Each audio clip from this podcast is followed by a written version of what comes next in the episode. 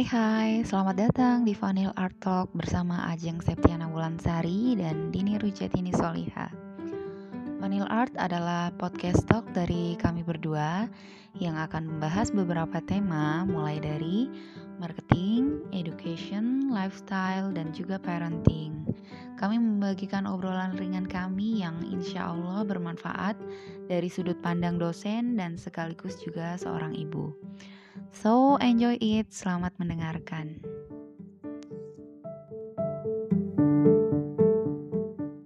gantian nih. nanya umur pertanyaan ya.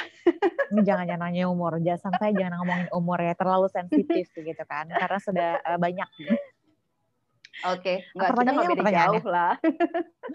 ya, pertanyaannya, uh, ya kalau saya kan memang dari awal uh, meskipun pernah kerja dulu ya sebelum sebelum jadi dosen ini, tapi nggak nggak kayak Mbak Ajeng nih. Kalau misalkan Mbak Ajeng kan sempet tuh kerjanya istilahnya udah stable gitu kan, kerjanya udah enak, udah kayak kerjaan impian gitu. Tapi why oh why gitu? Kenapa akhirnya uh, banting setir jadi dosen gitu? Kalau saya kan beda ceritanya. Oh iya. Kenapa? Hmm, mm, mm, mm, gimana ya? Aku bingung menjawabnya dan malu. Jadi sebenarnya uh, semangat buat sharing itu yang utama sih pastinya semangat buat sharing buat uh, siapa pun itu baik ke mahasiswa ataupun bukan karena di pekerjaan sebelumnya juga emang sering ngasih training terus training kalau dulu trainingnya seputar produk ya jadi uh, new product launching itu training ngasih training ke uh, branches atau cabang-cabang di seluruh Indonesia bahkan ngasih training pernah sampai Papua sambil jalan-jalan ke Raja Ampat Wow, nah, itu, ya. Itu itu itu dulu itu dulu waktu waktu masih bekerja di tempat yang lama. Nah, uh, kemudian di saat sudah mulai berkeluar berkeluarga, kemudian punya anak. Nah, ini lagi nih hmm. bahwa uh, ternyata menjadi ibu itu tidak semudah yang dia bayangkan, katakan kayaknya. Jadi salut buat ibu-ibu bekerja di luar sana yang masih tetap struggle gitu dengan ya. uh, berjibaku dengan anak dan pekerjaannya. Nah, setelah itu kemudian 2016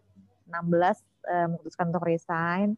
Jeda sebentar satu tahun 2017 uh, ada kesempatan nih buat uh, melamar menjadi dosen. Nah, ternyata ternyata dimuluskan jalannya, dilancarkan jalannya bergabung dengan UPN Jakarta sampai hari ini.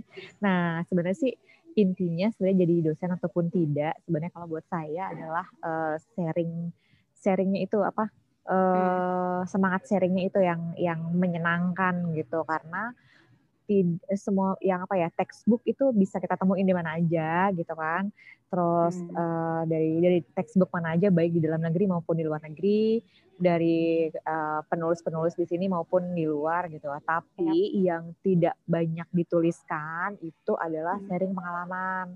Ya mungkin dari Mbak Dini nih, Mbak Dini ini pengalamannya apa banyak gitu kan mungkin aja tidak diwujudkan dalam bentuk buku, tapi jadinya bisa hmm. di-sharing ke mahasiswa gitu.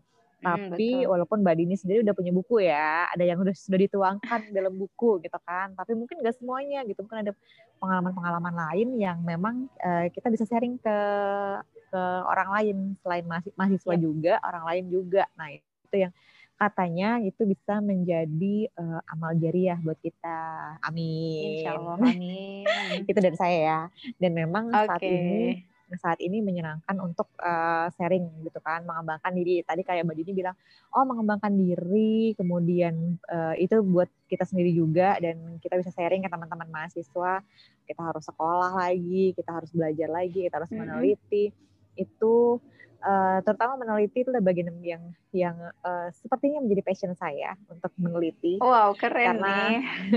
karena karena kalau bisa kita meneliti itu fun ya. Jadi uh, kalau jangan jadikan meneliti itu beban gitu kan. Meneliti oh, itu karena mantap. keingintahuan kita, karena emang kita pengen tahu ini ada apa sih di balik fenomena ini gitu. Gitu aja ya, sih kalau dari saya seperti itu.